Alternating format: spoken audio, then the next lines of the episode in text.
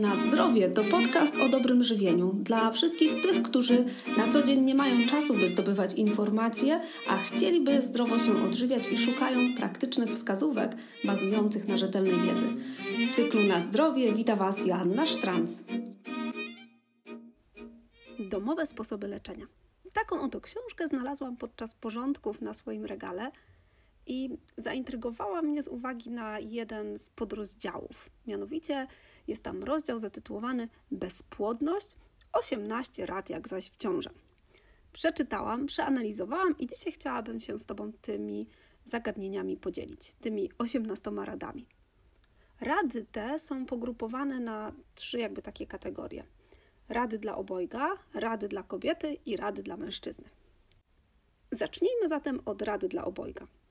Autor książki sugeruje, że jeśli nie ukończyliście jeszcze 28 roku życia, a wasze współżycie seksualne jest satysfakcjonujące i nie macie za sobą jakichś takich zdarzeń, historii medycznych, które obniżałyby płodność, to powinniście przez rok starać się o to poczęcie, mieć na uwadze to poczęcie i po prostu próbować. I wasze szanse są całkiem, całkiem spore.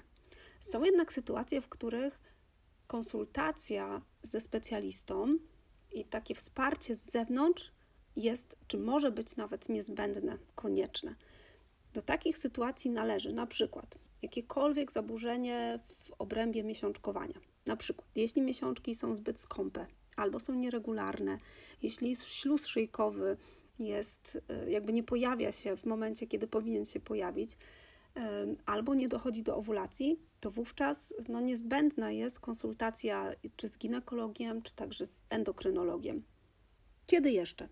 Wtedy, kiedy na przykład Twoje sutki wytwarzają pokarm, a nie, karmi, nie jesteś matką karmiącą, albo wystąpił u Ciebie wzrost męskiego typu owłosienia, czyli na przykład pojawi się owłosienie na piersiach albo owłosienie pod nosem, czyli taki wąsik gdzieś tam się pojawi, albo na podbródku. To może wskazywać na zaburzenia hormonalne. Też nadzoru wymaga taka sytuacja, gdy ty albo twój partner przebyliście zakażenie chlamydiami albo chorowaliście na jakąś chorobę przenoszoną drogą płciową. Kiedyś w przeszłości.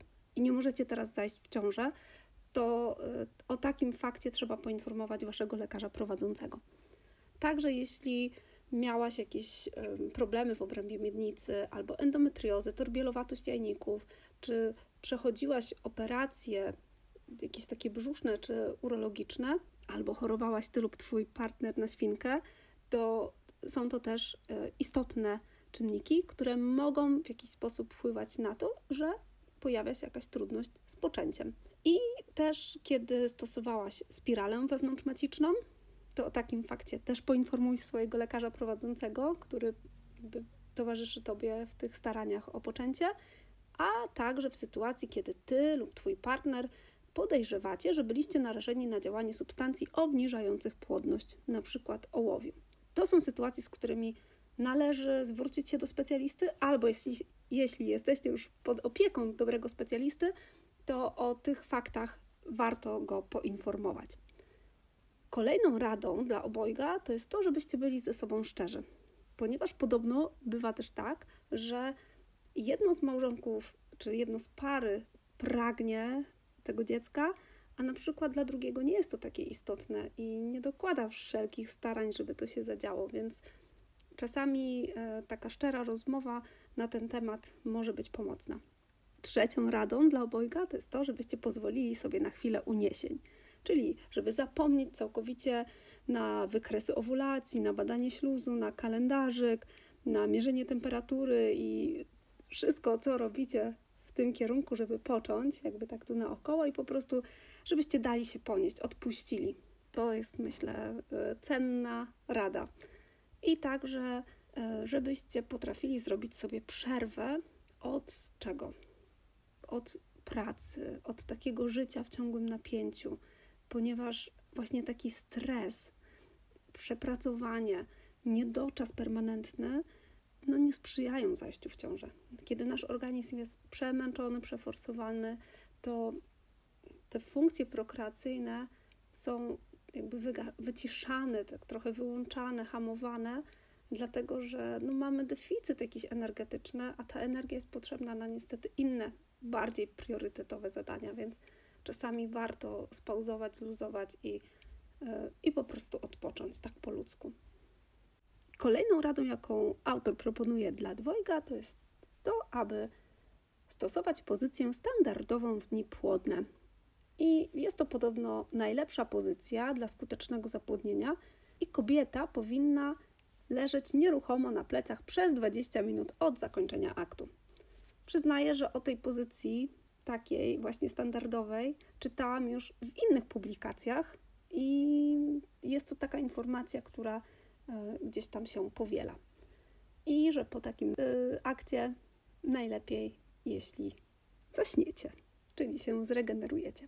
Ostatnia rada dla dwojga to jest, żebyście rzucili palenie, jeśli w ogóle palicie. I tutaj zostało przytoczone e, ciekawe badanie na dość dużej populacji, ja nawet powiedziałabym bardzo dużej populacji, bo 17 tysięcy kobiet e, zostało zbadanych w Wielkiej Brytanii. Wnioskiem z tego badania było mm, dostrzeżenie, że liczba wypalanych papierosów ma bezpośredni związek ze spadkiem płodności.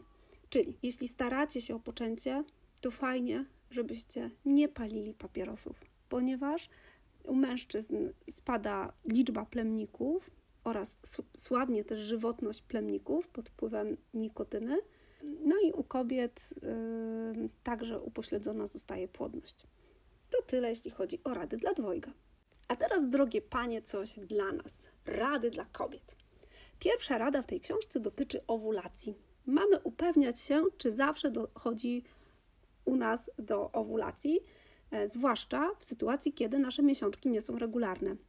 I autorzy tutaj podają, że jednym z najważniejszych sygnałów wystąpienia owulacji jest następująca w połowie cyklu miesiączkowego zmiana śluzu szyjki macicy. Dokładnie. E, I tak właśnie jest, że ten śluz szyjkowy w czasie owulacji, on jest charakterystyczny, jest taki przypominający trochę białko jaja kurzego. Powinien być rozciągliwy, przeźroczysty, śliski, taki, który ma ułatwić nam penetrację naszej pochwy, czyli który ma sprawić, że ten akt seksualny będzie dla nas przyjemniejszy, tak jakby z tej fizycznej strony. I jakość tego śluzu szyjkowego jest bardzo istotna, y, jakby w samym tym akcie poczęcia, dlatego warto o niego zadbać. I tutaj śluz szyjkowy możemy też wpływać żywieniowo. Odpowiednio się odżywiając, odpowiednio się przede wszystkim nawadniając. Jakby nawodnienie y, też ma tutaj ogromne znaczenie. Tutaj autorzy podają, że można też wykorzystywać y, testy do badania owulacji. Kolejną radą adresowaną dla nas kobiet jest to, byśmy stosowały białko jaja kurzego jako środek nawilżający podczas współżycia. Dlaczego akurat białko y, kurze jest tutaj polecane? Ponieważ wyniki pewnych kanadyjskich badań dowiodły, że białko jaja wywiera najmniejszy wpływ na ruchliwość i czas przeżycia plemników. I dzięki temu jakby automatycznie wzrasta szansa na zapłodnienie. Zatem, pierwsza rzecz. Po co w ogóle środek nawilżający? Ano po to, że niektóre z kobiet cierpią, a nawet wiele kobiet e, cierpi na suchość pochwy. I suchość pochwy jest typowa w pewnych sytuacjach, jest ona jak najbardziej naturalna, na przykład bezpośrednio przed miesiączką odczuwasz, że masz tą pochwę suchą i jakby współżycie tak na sucho wcale do najprzyjemniejszych nie należy, ale jest też ono niekorzystne dlatego, że ten śluz pochwowy on ma też pewną funkcję, mianowicie ochronną. On stanowi naturalną barierę ochronną, żeby zabezpieczyć Twoją pochwę przed wnikaniem do niej drobnoustrojów. I y, jeśli jest suchość pochwy, nie masz tej naturalnej bariery, łatwiej wnikają drobnoustroje, łatwiej dochodzi do jakichś takich mikrouszkodzeń podczas współżycia, no nie jest to korzystna sytuacja. Ok, jeśli to się zdarza, jakby trwa przez 1, 2 dni, 3 dni przed, bezpośrednio przed miesiączką, jest to naturalne, ale są kobiety, u których to nie trwa tylko 1, 2, 3 dni przed miesiączką, ale jest to stan utrzymujący się. Nie jest to naturalne i jest to coś, co trzeba zgłosić swojemu lekarzowi prowadzącemu. Suchość pochwy jest też e, naturalna w ciąży albo w tych pierwszych miesiącach po porodzie. Jeśli kobieta jest już w okresie menopauzy, to suchość pochwy jest jak najbardziej tutaj typowa. I czasami też ona występuje jako skutek uboczny e, stosowania leków e, antykoncepcyjnych czy jakichś środków antykoncepcyjnych. Ok, z czego wynika suchość pochwy? Ona jest konsekwencją obniżenia estrogenów, ponieważ te estrogeny powodują, że w naszej błonie śluzowej ścianek pochwy wydzielany jest właśnie śluz. Jeśli spada poziom estrogenów, spada produkcja tego śluzu, następuje suchość. W związku z czym, jeśli chcesz, tak jak tutaj mówi um, tytuł książki Domowe sposoby leczenia, możesz stosować białko jaja kurzego yy, i ono tu się wydaje bardziej zasadne, aniżeli jakieś takie e, środki nawilżające, które e, powiedzmy są masowo produkowane, które możesz kupić w aptece na przykład, ale możesz też sobie pomóc żywieniowo. I przede wszystkim zwróć uwagę na to, ile pijesz, co pijesz. E, zwróć uwagę na to, e, jakie produkty spożywasz. I tutaj dedykowane byłyby produkty bogate w fitoestrogeny, czyli takie substancje pochodzenia roślinnego, które imitują działanie tych estrogenów, których w tym momencie ci brakuje. One nie są po to, żeby stworzyć z tego jakąś taką terapię zastępczą, ale jakby doraźnie mogą być pomocne w takich lekkich stanach. Czyli, żeby była jasność, suchość pochwy utrzymująca się długotrwale jest stanem, który koniecznie trzeba skonsultować z Twoim lekarzem prowadzącym. Ale nie musisz czekać tak bezczynnie, założonymi rękami, aż się problem rozwiąże. Możesz się wspomagać żywieniowo. Sięgaj po fitoestrogeny. Te fitoestrogeny znajdziesz produktach sojowych, czy to będzie mleko sojowe, czy to będzie tofu, czy po prostu soja, czy jakieś inne produkty sojowe, w roślinach strączkowych, w płatkach owsianych, w siemieniu lnianym. Siemię lniane pamiętaj, żeby zawsze stosować świeżo mielone, tak bezpośrednio przed spożyciem. Stosuj też sezam, niezależnie czy to będzie jasny sezam, czy to będzie czarny sezam. Fitoestrogeny znajdują się także w jabłkach, w gruszkach, w marchewce, w cebuli. To są takie przykładowe produkty, które powinny znaleźć się w Twoim codziennym, codziennym jadłospisie po to, żeby wzbogacić go w niezbędne dla Ciebie fitoestrogeny. I być może, y, jeśli zadbasz o ten sposób odżywiania bogaty w fitoestrogeny, to może się okazać, że białko jaja kurzego albo inne środki nawilżające nie będą już potrzebne. Kolejna rada dedykowana dla nas kobiet. Dbaj o właściwą masę ciała. Uważam, że jest to bardzo zasadna rada. Autor tutaj posłużył się badaniem na małej grupie kobiet, mianowicie zostało przebadanych 29 kobiet z niedowagą i 13 kobiet z nadwagą. To, co było wspólne dla obu tych grup kobiet, to to, że e, żadne nie miały owulacji. Autorzy tego badania doprowadzili do uzyskania przez te wszystkie kobiety należnej masy ciała, czyli takiej dla nich optymalnej, najlepszej masy ciała. Czyli te kobiety zbyt szczupłe, kobiety z niedowagą przybrały na masie, natomiast kobiety z nadwagą e, zredukowały masę ciała. Efekt był taki, że w przeciągu trzech lat od osiągnięcia tej należnej masy ciała, z tych 29 szczupłych kobiet, aż 24 poczęły dziecko, zaszły w ciążę i z tych 13 kobiet z nadwagą, aż 11 kobiet zaszło w ciążę. Uważam, że jest to bardzo imponujący wynik. I jeśli ktoś boryka się właśnie z tym, że nie może zajść w ciążę, to ta masa ciała jest tutaj też bardzo ważnym czynnikiem, ponieważ jakby masa ciała jest takim czymś, co jest objawem pewnych innych stanów, które się dzieją w naszym organizmie. I warto pracować nad uzyskaniem tej należnej masy ciała również z dietetykiem, żeby robić to w mądry i taki kontrolowany sposób. Kolejna rada dla nas kobiet to jest to, byśmy z rozwagą stosowały ćwiczenia fizyczne. Uważam również, że jest to bardzo cenna rada, dlatego że w swoim otoczeniu spotykam bardzo dużo kobiet, nie wiem, moich rówieśniczek, młodszych, starszych, które po prostu uwielbiają uprawiać sport i uprawiają go w tak dużych ilościach czasami, że jest to aż niesamowite. Kiedy ja na to patrzę, czy o tym słucham, to naprawdę podziwiam, ile zapału do sportu możecie mieć. Ale jeśli jesteś takim typem sportsmenki, jeśli uprawiasz ten sport w dużych ilościach, czyli codziennie ponad godzinę takich forsownych, intensywnych ćwiczeń, to taka ilość sportu może negatywnie odbijać się na Twojej płodności. A, a w zasadzie nawet będzie negatywnie odbijać się na Twojej płodności.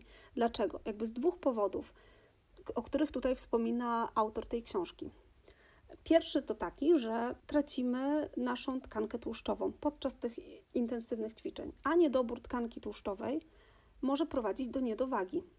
Ale nie tylko, jakby niedobór tkanki tłuszczowej będzie zaburza, jakby wpływał też na, na pracę naszego układu hormonalnego, może wpływać raczej negatywnie. I, I to jakby nawiązuje do tej rady poprzedniej, tak? Czyli ta należna masa ciała, jakby też odpowiednia e, kombinacja i tkanki tłuszczowej, i tkanki mięśniowej, i nawodnienie odpowiednie, to wszystko je, musi być tutaj w odpowiednich proporcjach, powiedzmy. Więc tej tkanki tłuszczowej nie, nie powinno być ani za dużo, ani za mało. E, zbyt forsowne, powtarzam, zbyt forsowne ćwiczenia mogą zaburzać ilość tej tkanki e, tłuszczowej. I druga rzecz, która jest bardzo istotna, to to, że takie zbyt forsowne ćwiczenia fizyczne mogą prowadzić do wzrostu prolaktyny. A prolaktyna jest takim hormonem, który hamuje wydzielanie z kolei innych hormonów bardzo istotnych dla naszej płodności, a mianowicie hormonu folikulotropowego i hormonu luteinizującego. Są to dwa hormony, które są odpowiedzialne za pobudzanie naszych jajników do produkcji jajeczek. I jeśli mamy wyższy poziom prolaktyny, który wzrasta wraz z nadmiernym wysiłkiem fizycznym, z nadmierną aktywnością fizyczną, jednocześnie zbyt niski poziom tych dwóch wspomnianych hormonów, które jakby stymulują nasze jajniki do pracy, to może dojść do zahamowania owulacji. Skutkiem jakby tej podwyższonej prolaktyny mogą być też nieregularne krwawienia, ale też takim bardzo odczuwalnym skutkiem nadmiernego wysiłku fizycznego, tej nadmiernej aktywności e, fizycznej, może być też po prostu spadek libido. I to wszystko będzie razem no, zmniejszało nasze szanse na poczęcie dziecka, będzie obniżało naszą płodność. Więc uważam, że sport jest ważny i jakby nie warto rezygnować ze sportu, wręcz przeciwnie, ten sport powinien być obecny w naszym życiu, ale należy ćwiczyć z rozwagą, znać po prostu ten umiar. Kolejna rada to to, abyśmy zadbały o regularne współżycie w okresie płodnym. Czyli musimy wiedzieć, kiedy mamy owulację, co oznacza, że powinnyśmy obserwować nasz cykl i jakby zadbać o to, żeby do współżycia dochodziło właśnie w okolicach tej owulacji. To jest bardzo, bardzo ważne. Kolejna rada proponowana przez autora to to, żebyśmy nie stosowały irygacji. Autor tutaj dopowiada także, żebyśmy nie stosowały irygacji i środków nawilżających, ponieważ one mogą zmieniać pH w naszej pochwie i mogą być nieprzyjazne dla nasienia. I też tutaj dodaję, że jeżeli zostawimy pochwę w spokoju, to ona sama zadba o higienę. I jakby rzeczywiście warto, jeśli ktoś stosuje środki nawilżające, środki właśnie, albo tutaj jakieś irygacje takie dopochwowe, to um, warto zastanowić się, w jaki sposób to zmienia pH pochwy i jak to właściwie potem wpływa na proces poczęcia. I ostatnia rada adresowana dla nas kobiet brzmi: pij mniej kawy. Ale tak naprawdę chodzi tutaj o kofeinę. I kofeina, tu dodam od siebie, zawarta jest nie tylko w kawie. Kofeina zawarta jest także w wielu napojach takich energetyzujących, na przykład, nie wiem, w Coca-Coli może być też kofeina, możecie ją tam znaleźć.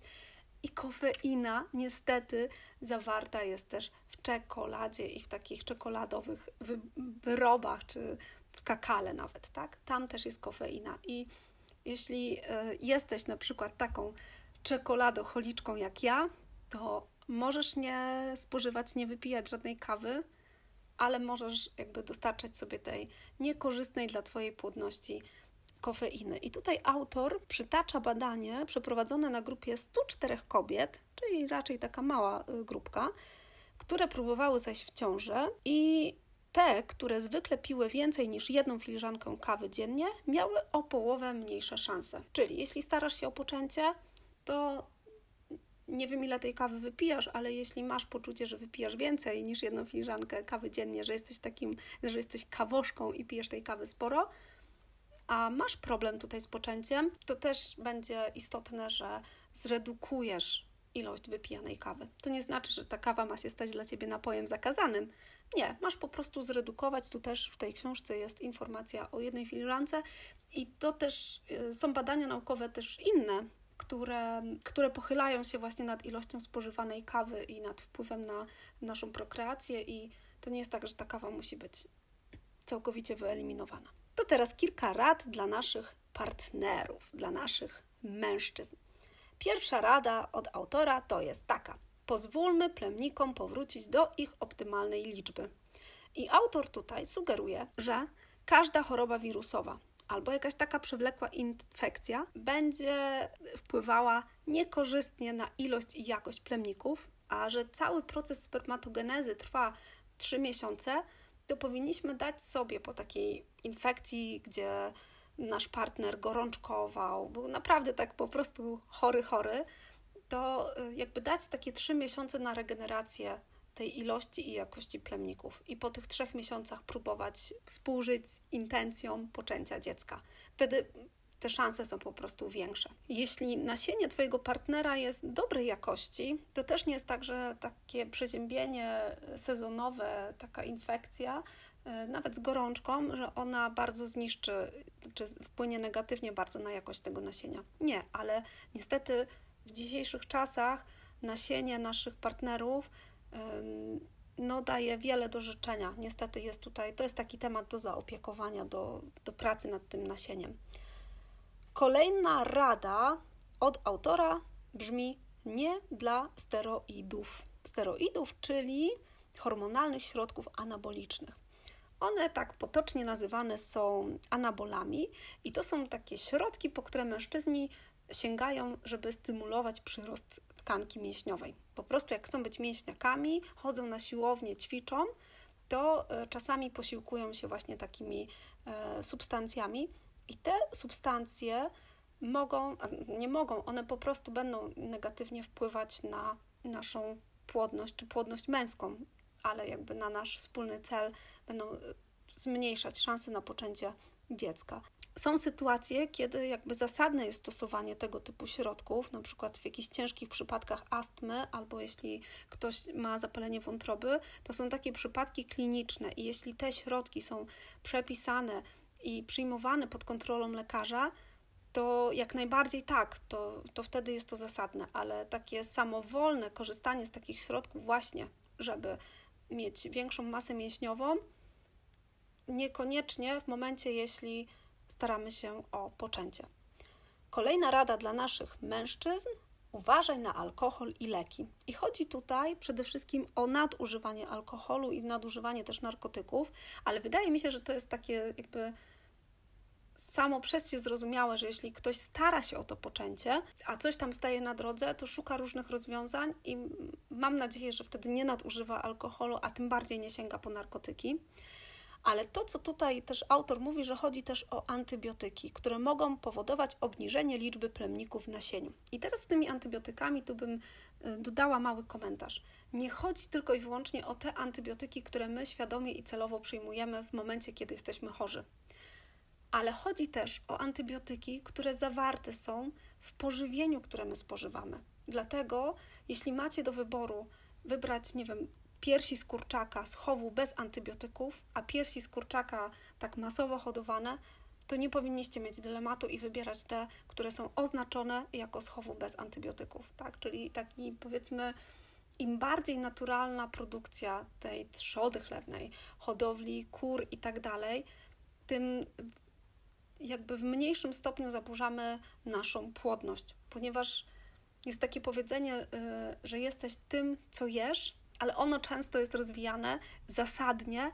Jesteś nie tylko tym, co jesz, ale też tym, co jadło to coś, co ty jesz. Czyli jeśli zjadasz kotlety z wieprzowiny, a ta świnia po prostu otrzymywała paszę, karmę zawierającą antybiotyki, to automatycznie ty jakby również spożywasz z tymi kotletami antybiotyki, które spożywała ta świnia.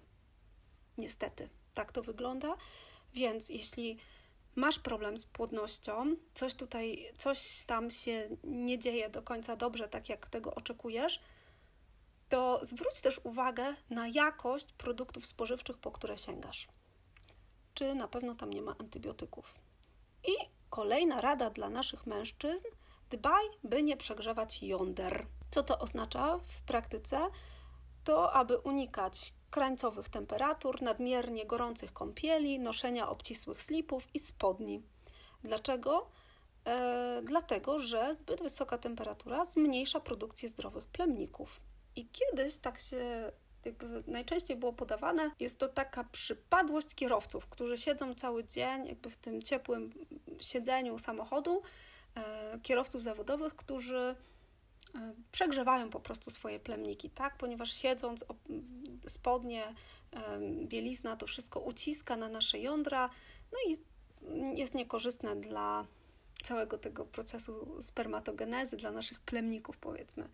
Ale dzisiaj jest tak, że bardzo dużo osób, bardzo dużo mężczyzn prowadzi siedzący tryb życia i siedzi wiele godzin, całymi dniami e, w obcisłych jeansach, przy biurku, przy komputerze, a potem siedzi jeszcze w aucie i nie zwraca na to uwagi. A niestety to jest też istotne, zwłaszcza jeśli wiesz, że twój partner ma problem z ilością i na przykład ruchliwością plemników czy z żywotnością tych plemników, to na to też należy zwrócić uwagę. Taka higiena bycia po prostu. I ostatnia rada dla naszych panów to pamiętaj, że krótkotrwała abstynencja seksualna poprawia żywotność plemników. I chodzi tutaj o to, żeby powstrzymać się od współżycia na dwa dni przed momentem maksymalnej płodności partnerki. I to wszystkie rady zawarte w domowych sposobach leczenia, które mogą zwiększać naszą płodność. Dla mnie jest to niesamowite, że w takiej zdawałoby się niepozornej książce można y, znaleźć pewne inspiracje, ciekawe zagadnienia, bo przyznam Wam się, że przygotowując nawet ten podcast, dużo jeszcze doszukiwałam, sprawdzałam, sprawdzałam też inne badania, na które się tu nie powołuję, ale też to mi umożliwiło podzielenie się z Wami tymi zawartymi w tych domowych sposobach leczenia, że nie są to badania oderwane od rzeczywistości, wyrwane z kontekstu, tylko faktycznie te badania i inne badania, jakby potwierdzające też postawione tutaj hipotezy, były prowadzone i warto z nich korzystać. Mam nadzieję, że te rady są dla Ciebie, czy okażą się dla Was przydatne i poprowadzą Was kolejny kroczek do przodu, żeby osiągnąć ten Wasz upragniony cel, jakim jest właśnie poczęcie.